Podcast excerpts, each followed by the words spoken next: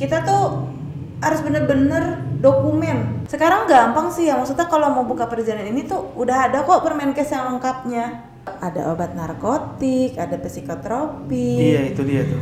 Oke, tadi sekilas tentang episode sebelumnya. Sekarang kita menuju ke modal dan strategi bisnis. Check it out. Yang paling penting, modalnya berapa? Modal ya. Modal itu karena balik lagi kita ini punya orang tua, gue nggak gue nggak jatuhnya sewa ya. Hmm. Karena kalau sewa itu bisa terhitung paling murah banget yang di pinggir jalan itu 25 juta. 25 juta itu, Itu yang hanya- standar Jakarta ya? Iya. Standar Jakarta. Standar Jakarta dan untuk biaya sewa aja, Hmm. ya kan?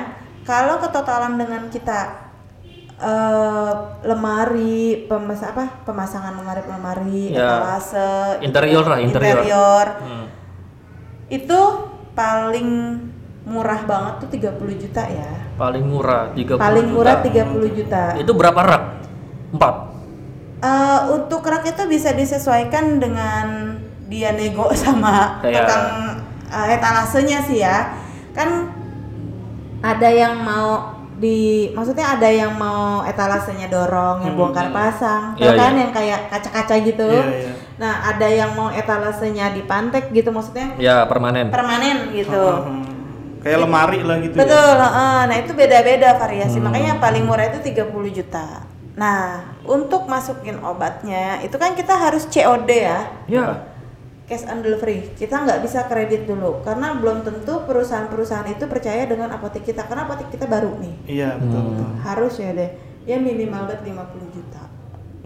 Hmm. Untuk eh, pembelian obat aja ya. Hmm. Nah nanti kalau misalkan udah kita bisa nego, kita mau CO apa kita mau Tempo. Iya kita mau tempo gitu kan. Oke nanti diajuin kayak gitu. Hmm. Tapi kalau misalnya obatnya yang sudah expired itu bisa dibalikin lagi nggak sih? Bisa kita retur Oh, dengan retur. ketentuan-ketentuan tertentu ya. Oh, gitu. Oh iya satu lagi lupa yang harus banget diingat. Eh, kalau kita mau buka apotek juga sekarang udah pakai zona ya. Hmm. Jadi kita juga mau mau apa namanya nih mau nyewa ruko Mhm. di pinggir jalan. Kalau zonanya masuk ke zona perumahan itu bisa di bisa enggak apa? Enggak diterima. Enggak diterima izinnya. Gitu. Zona perumahan. Iya. Ya. Jadi, Jadi, harus di luar zona itu. harus bilangnya sih waktu itu eh, orang PTSP-nya itu zona abu-abu ya. Jadi di situ ada ada rumah, ada beberapa rumah, sama ada beberapa Ruko. usaha Ruko. Oh Betul. gitu. Iya iya. Kalau zona Minimal hijau, enggak. minimal zona abu-abu ya. Ka- karena kan memang eh, biasanya kan memang di perumahan ada ruko-ruko juga kan di Betul. dalamnya. Hmm. Nah, karena di rumah itu belum tentu boleh gitu Betul. kan. Di rumah maksudnya di rumah tidak boleh nggak gitu. ya. boleh. Di perumahan aja ya, saya gue kira tuh nggak nggak bisa juga di perumahan ya, Hmm. nggak bisa. Jadi total modalnya itu kemungkinan 100 sampai 150 juta ya Betul. Untuk awal tuh ya. untuk awal. Gede juga tuh ya. Mm-mm. Jangan nanya balik modalnya ya. Emang kenapa tuh kalau balik modalnya? Baru- Baru mau ditanya nih. Karena balik modalnya itu ya namanya kita usaha itu kita harus terima apa ya? Perputaran roda lah. Ya kan? Tapi bukannya di masa pandemi ini apotek itu yang banyak dicari orang. Alhamdulillah. Iya, betul tuh. Alhamdulillah. Ya Dan- alhamdulillah. Tapi ada tapinya nih, ada tapinya. Mhm. Apotek dicari banyak orang, tapi obat dan vitamin itu susah didapat. Kok tahu banget sih, Pak? Wah, iya dong. Kita kan sering main apotek. bener bener. Ya tapi bener Salah tuh. satu konsumsi ya Oh, untuk mencegah betul. adanya Covid ya. Iya. Apalagi dulu awal-awal. Uh, susah Wah, banget gila, ketemu iya. masker aja Betul. susah. Gue nyari imbus aja sampai ke Alfamart, sampai ke apotek-apotek gede nggak ada, Bro. Iya. Iya benar. Karena kita belum bisa apa ya? be- Eh, kaget banget gitu. Jadi perusahaan aja kehabisan bahan baku. Itu dia, benar. Pabrik aja kok kehabisan bahan baku. Gimana kita mau yang konsumsi gitu Betul, kan? betul, Itu dia. itu. Terus yang ada juga diutamakan tuh dulu tuh tuh di mana Pulau Natuna ya di Natuna jadi sempet tuh ada yang mau beli masker tuh ke kita oh, kita mau bawa nih ke Natuna gitu kan karena waktu itu kan memang untuk yang dari luar negeri kan yang pemeriksaan pemeriksaan dari luar negeri ke Indonesia tuh nah itu mereka kan sangat butuh militer-militer kan pada butuh banget kan mereka yang Oh, pada di pengen pem- perbatasan pemberian bantuan gitu ya. Heeh, Gitu ya? heeh, rata-rata eh, pemberian bantuannya tuh untuk ini sih lebih ke militer, Hmm. militer kita yang pada meriksa-meriksa gitu. Ternyata sampai ke sini juga belum bisa diatasi Betul. juga dengan itu. iya betul. Mudah-mudahan cepat berakhir. Sampai Nih. sekarang juga masih banyak yang kita kekurangan vitamin. Iya, iya. Masih? Masih, masih. Masih ya. Orang masih cari vitamin, masih ini masih itulah ya. Terus nih ada selain itu ya, nih ya, agak menjauh dari itu. Sebenarnya nih sekarang kan era digi- digitalisasi kan. Mm-mm. Orang tuh udah pada males untuk datang ke suatu tempat untuk beli barang, malah kebanyakan ada yang pakai online, pakai GoFood atau GrabFood atau GoShop ya sekarang. Iya, Ini ber- berarti ini kita ngomongin tentang strategi, Strategi pemasaran. pemasarannya nih Oh, kalau oke, misalkan oke, oke. ada orang yang males itu datang ke apotek itu kayak gimana apalagi Sekarang mungkin jatuhnya bukan males ya, takut. ya Takut, takut. Heeh. Karena kan harus di rumah aja. Jadi kan Hmm. orang-orang kan pada takut tuh keluar. Jadi dia mensiasati gimana nih gue biar tetap imun gue bagus gitu kan. Tapi gue juga nggak berani keluar gitu kan. dapat vitamin juga. Dapat vitamin juga. Nah, alhamdulillah. Gue sebut sebut ini nih ya. Boleh, boleh. Boleh, sini ya. boleh. Bebas. Marketplace ya. Marketplace. Eh, kita alhamdulillah sebelum pandemi ini kita sudah gabung dengan yang namanya Halodoc. Halodoc ya. Nah, ini juga bisa tuh jadi salah satu Betul. pilihan. Betul. Podcast Tinggal- ini disponsori oleh Halo. Kalau Apa-apa. bayar lo, bayar lo. Nanti kita share aja nih ke salesnya Halodoc Iya betul. Betul. untuk di subscribe. Nah, untuk daftar ke Halodoc sendiri, apakah sama dengan daftar ke Tokopedia dan lain-lain? Eh, Ah. tapi lu pakai itu juga nggak sih? Pakai apa? Tokopedia atau E-commerce. Ah, e-commerce e-commerce yang lain itu pakai nggak sih? Rencana pengen, tapi itu hanya vitamin ya. Hanya vitamin dan obat bebas yang Ya, bisa nggak bisa obat resep Nggak ya. bisa, Obat resepnya. nggak bisa obat keras, nggak bisa. Gua nggak boleh karena kan apotek gue legal. Tapi kalau Halodoc itu bisa pakai resep. bisa. Karena dia itu programnya itu memang sudah join dengan dokter-dokter. Jadi halodoc namanya halodoc. Halodoc. Mm-mm. Halo dokter. Iya, benar, Jadi dia masuk ke masuk ke aplikasi itu dia kalau misalkan orang yang belum gue sakit apa nih sakit apa kan dia nggak tahu mau beli obat apa. Ah, Dia chatting dulu lah dengan dokter yang ada di halodoc. oh gitu. Mm-mm. Dia chatting dulu nanti dokter itu bikin resep. Oh. prescription dia bikin resep lalu di share lah tuh ke aplikasi Halodoc nah dia alamatnya di mana nih diambillah apotek yang terdekat Oh, jadi itu secara otomatis. betul jadi bukan hanya terdekat aja ya yang sekarang yang sekarang banyak dikomplain dengan abang-abang yang ngambil obat itu dikiranya tuh eh emang di sana nggak ada apotek kita mana tahu. Karena apa? Di apotek Naza ini sekali promosi ya harganya itu di bawah apotek-apotek lain. Makanya yang dari Tambun pesen ke Halodoc nyampe nya ke sini. Bayangin loh Tambun. Hmm. yang dari Tangerang Ke sini. ke sini. Itu Masa? beneran makanya tadi bilang Buset. pada komplain. Kan dia Halodoc itu ambil barangnya itu dengan abang dengan Gojek. Dia eh, join dengan Gojek ya? Enggak, enggak, enggak, ntar dulu. Maksud gue, ketika si orang itu beli obat, dia nggak milih tempatnya. nggak ada nggak ada nggak ada pemilihan. Gua harus beli di apotek ini apotek Jadi, nggak ada. jadi nanti. Halodoc yang bikin sistemnya. Di mana obat itu paling murah? Dia dia sepertinya ambil yang paling murah ya di mana apotek itu paling murah sama di mana apotek itu yang ikut program karena dia punya program. Hmm, gitu. Mm, makanya tuh banyak yang komplain. Emang di sana tuh nggak ada apotek? Bisa. Kita sampai capek gitu ya ngejelasin. Cuman ya kita harus edukasi juga sih ke mereka gitu kan. Keunggulan Naza juga tuh bukan hanya edukasi obat tapi edukasi kalau ada orang komplain. Oh, gitu. kita jelasin pak ini tuh bla bla bla bla bla bla gitu kan oh gitu gitu Jadi kalau misalkan ini dari Halodoc kan resep ya, berarti lu itu terima resep itu secara digital dan Betul. di print langsung. betul Oh. kita karena nanti untuk perpanjang izin kita eh, termasuk pemeriksaan resep ya. Jadi resep yang masuk kita langsung print, resep yang masuk kita langsung Karena itu print. nanti dicek juga. Betul, itu diperiksa dengan orang. Terus itu yang baik lagi nih ya ke pihak Gojeknya ketika mesen di Halodoc itu bukannya anternya lebih mahal daripada harga obat sampai ke Tangerang enggak? dia seneng, ada yang seneng juga sih sebenarnya karena dia Poinnya gede juga ya, Poinnya gede, dapatnya gede, bisa 80.000 ribu. Tapi dari pihak konsumennya itu komplain nggak sih ini mahalan Gojeknya daripada obatnya? Dia mana tahu mahalan Gojek kan udah Oh. akumulasi. Oh akumulasi, jadi nggak tahu harga per obat itu nggak tahu. Eh, untuk harga per obatnya sebenarnya dia tahu ya. Jadi kan dia ketahuan nih, misalkan nih kita pilih paracetamol gitu. Hmm. Paracetamol itu ada range harga termurahnya 3000, termahalnya 7000 misalkan. Nah, apotek gue 3000 nih. Bahkan eh apa namanya? Gue ikut paket, ikut paket 5000 dapat 3. Paket hematnya dari Halo dok. Halo, Dok. Nah, dia langsung tuh langsung ambil paket 5000 3 strip gitu kan. Nah, nanti ketika melakukan pembayaran itu kan langsung keluar tuh totalnya Hmm. gitu. Nah sebenarnya sih di situ customernya tahu ya dia harus bayar berapa. Tapi dia mikir obat gue murah. Tapi untuk pengiriman nggak ada, ada kan? Pengirimannya itu totalnya itu. Jadi dia sebenarnya bisa kurangin aja. Misalkan 5000 di gua kan.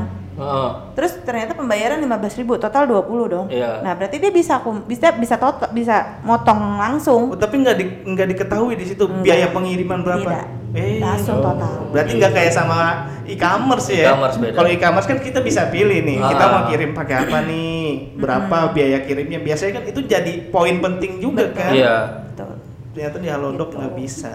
Nggak bisa. Tapi kalau untuk di Tokopedia dan lain-lain udah mulai loh. Belum, karena gue butuh orang sih sebenarnya. Karena kan satu item itu kan dia ada beratnya, ada tingginya berapa senti itu Emang. Ada volumenya juga. Volumenya ya. Gue harus paket ini misalkan dua obat ini berapa kilo. Ah, gue harus hitung satu Kenapa lu nggak Emang- cuman pakai Gojek aja untuk pengirimannya? Sementara lu kayak misalkan ngirim pakai eh, apa JNE dan lain-lain lu Tapi kan tetap, tetap di awal itu kita mau masukin barang itu volumenya kita harus di mereka minta. Ya iya, emang iya benar. Di sistem memang harus ditulis mm-mm. berapa beratnya misalkan Kan satu kalau gram. Gojek juga gitu, berapa ratus ribu range ongkirnya berapa? Gitu juga kan?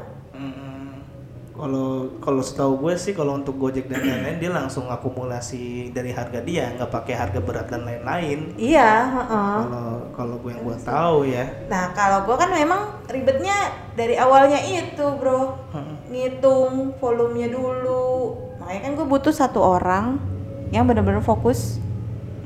Kenapa lu nggak contek aja sama eh, produk-produk yang udah ada, ada. di Tokopedia? Mereka nggak ada. Emang nggak ada ya? Oh nggak ada, yang- nggak ada yang jualan obat gitu. Nggak bisa Iya. nyontek Oh, nggak bisa terkait nyontek. volumenya mereka. Nggak bisa. Lagi juga kalau Halodoc itu gua alhamdulillah itu karena Covid ya. Jadi rata-rata obat Covid yang gua keluarin. Bukan obat Covid. eh, Pencegah. penunjang. Penunjang. Penunjang. Jadi eh, se- kan karena obatnya belum ada ya. Jadi kayak misalkan antivirusnya, vitamin-vitaminnya, itu kan udah langsung dari dokternya. Langsung dari dokternya langsung ke gue. Jadi untuk strategi bisnisnya sendiri adalah dengan cara Halodoc itu. Mm-mm. Selain dari orang-orang yang ke sini kan, Iya. Iya. benar kan? Tapi harus ya, legal itu penting. Legal itu penting gue bilang sekali lagi. Jadi kita nggak bisa mainin obat-obat, mencegah obat-obat palsu. Nah itu tuh banyak Gitu. tuh soalnya. Itu Mencegah- gimana kalau misalkan toko obat-toko obat yang lain tuh? Nah itu makanya nih harus diedukasi lagi nih, perlu banget sebenarnya nih. Gue gemes banget sebenarnya masalah begituan, gemes banget.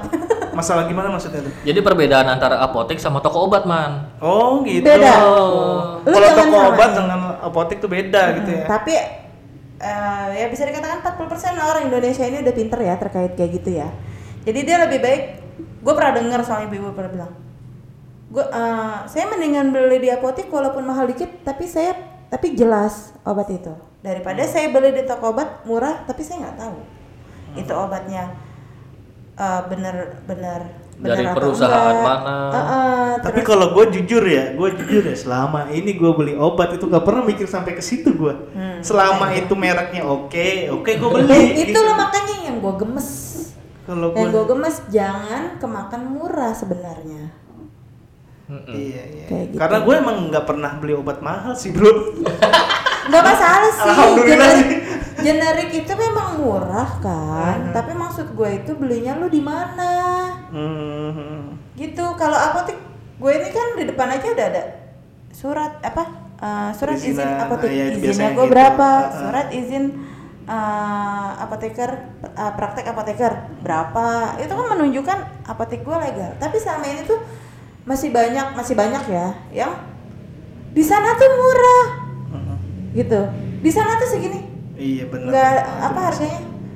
Kita peng eh, maksudnya tugas gue tugas anak-anak gue asisten-asisten gue ya nggak apa-apa lah kita edukasi dikit-dikit gitu ya ke mereka. Hmm. kita jelasin bu kita ilegal eh bu kita legal. Hmm. Kita tuh har kita punya izin. Kita bayar pajak. Ya kan? Hmm. kalau misalkan di sana murah ibu tahu nggak di sana pembeliannya gimana? Gitu kan. Obatnya asli apa enggak? Kadang sih anak-anak ngejelasin tapi kadang ada yang nyolot. Ya anak-anak gue cuma bilang ya udah ibu silahkan di sana. Padahal mereka udah gondok banget ya. Udah dijelasin tapi ngeyel. Ya emang namanya orang kan kayak seribu dua ribu tuh ini banget. Ini kayak eh, gopek nyokap- aja di Iya, terhitung kayak nyokap gue aja nih beli CTM gitu kan. Di sana 3000, di sini 5000 itu dihitung juga sama dia. gitu kata gue. Gitu. Nah, ini mas-masnya ini udah tahu ya, maksudnya bisa lah edukasi ke saudara-saudara gitu. Dari sini pun kita dapat edukasi. Betul. Betul, ini penting banget nih. Soalnya masalah obat itu masalah kesehatan tubuh sendiri dan lain-lain kan. Nah, itu strategi-strateginya itu yang penting tuh tadi untuk uh, bisnis uh, apotek ini kan. Setelah Iya. pertama kita nentuin pengen bikin apotek, kita siapin administrasi Betul. uh, perizinannya, ya kan, tempatnya, terus kemudian uh, modalnya tadi kita udah bicarain, ya, Iya. uh, kurang lebih segitulah ya 150 juta ya, Mm-mm, 150 kurang juta, lebih lah, kurang lebih.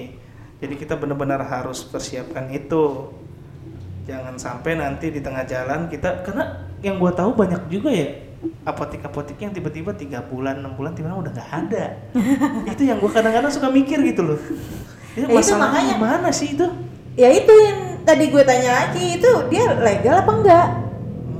Dia bisa aja cuman buka apotik, Iya. tapi di tempat yang di tempat apa ya, yang eh orang dinas itu nggak tahu di situ ada apotik gitu loh, Jadi, gitu. jadi sebenarnya nih ya, gue masih masih rancu nih antara apotek sama apotik. Benar apotek. Bahasa Sebenarnya Indonesia yang apotek. baik itu apotek. Apotek. Dengan Karena menggunakan- yang benar apoteker, bukan Oh. apotiker. Gitu mah pakai bahasa Indonesia. kalau lu kan. tukang tiker apoteker iya iya iya iya. untuk eh, itulah kita eh, alhamdulillah banget nih udah dapat banyak apa Ilmu. masukan ilmu Mm, mm, mm, mm. mungkin ini bisa bermanfaat juga kan Pasti bermanfaat Untuk kalau teman-teman ini. semua. Buat teman-teman pembisnis, apalagi calon pembisnis apotik. mungkin lebih tahu nih terakhir deh terakhir deh Apa? suka dukanya Suka suka, duka. dukanya terus abis itu jangan lupa kasih nasihat nih buat teman-teman yang pengen bikin Oh gitu.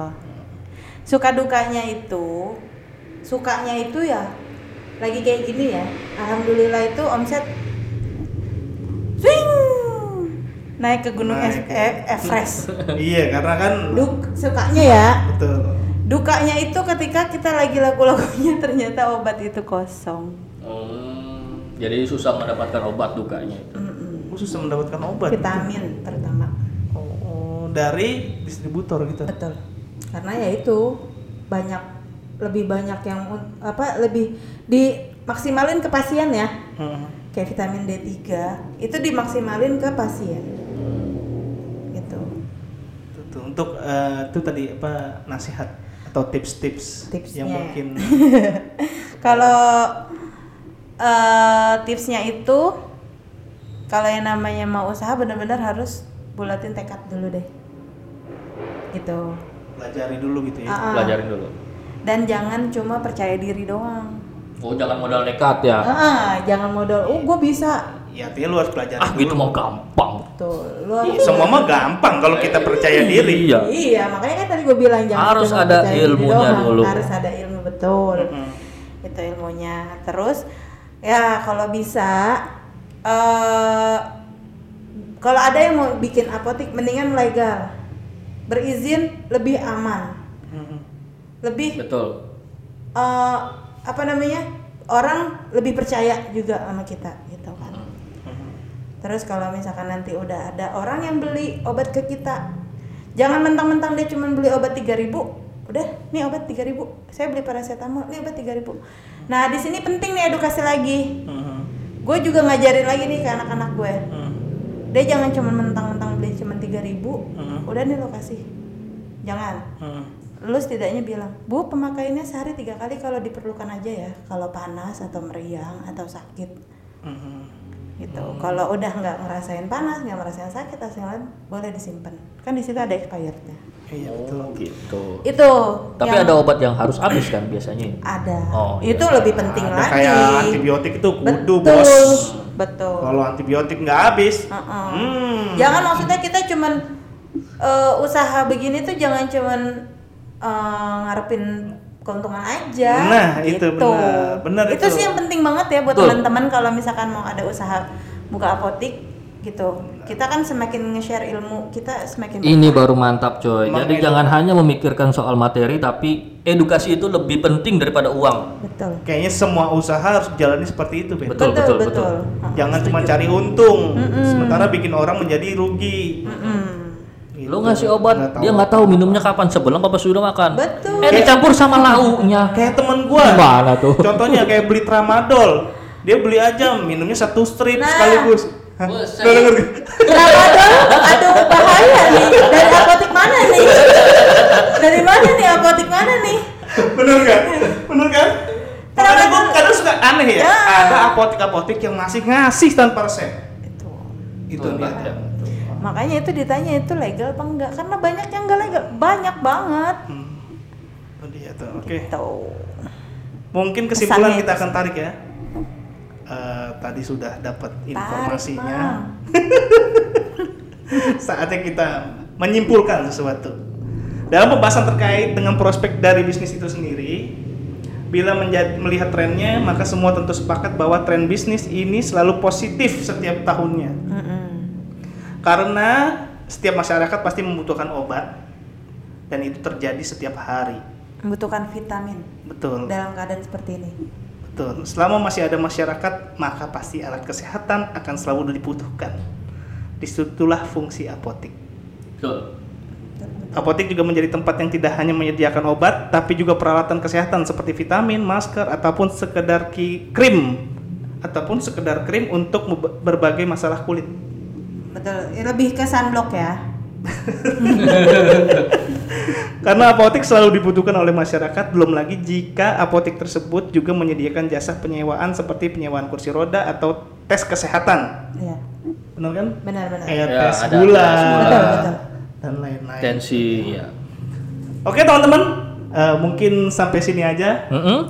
Sekarang kita lagi di Apotek Naza yang kalian harus tahu Apotek Naza ini ada di Jalan Tipar Cakung. Betul. Pemiliknya yaitu langsung Bulkiah Ben Nazir. Betul. Oke teman-teman, kami dari Tripodcast mengingatkan untuk selalu memakai masker. Mencuci tangan. Menjaga jarak. Sampai jumpa di episode berikutnya. Terima kasih. Dadah.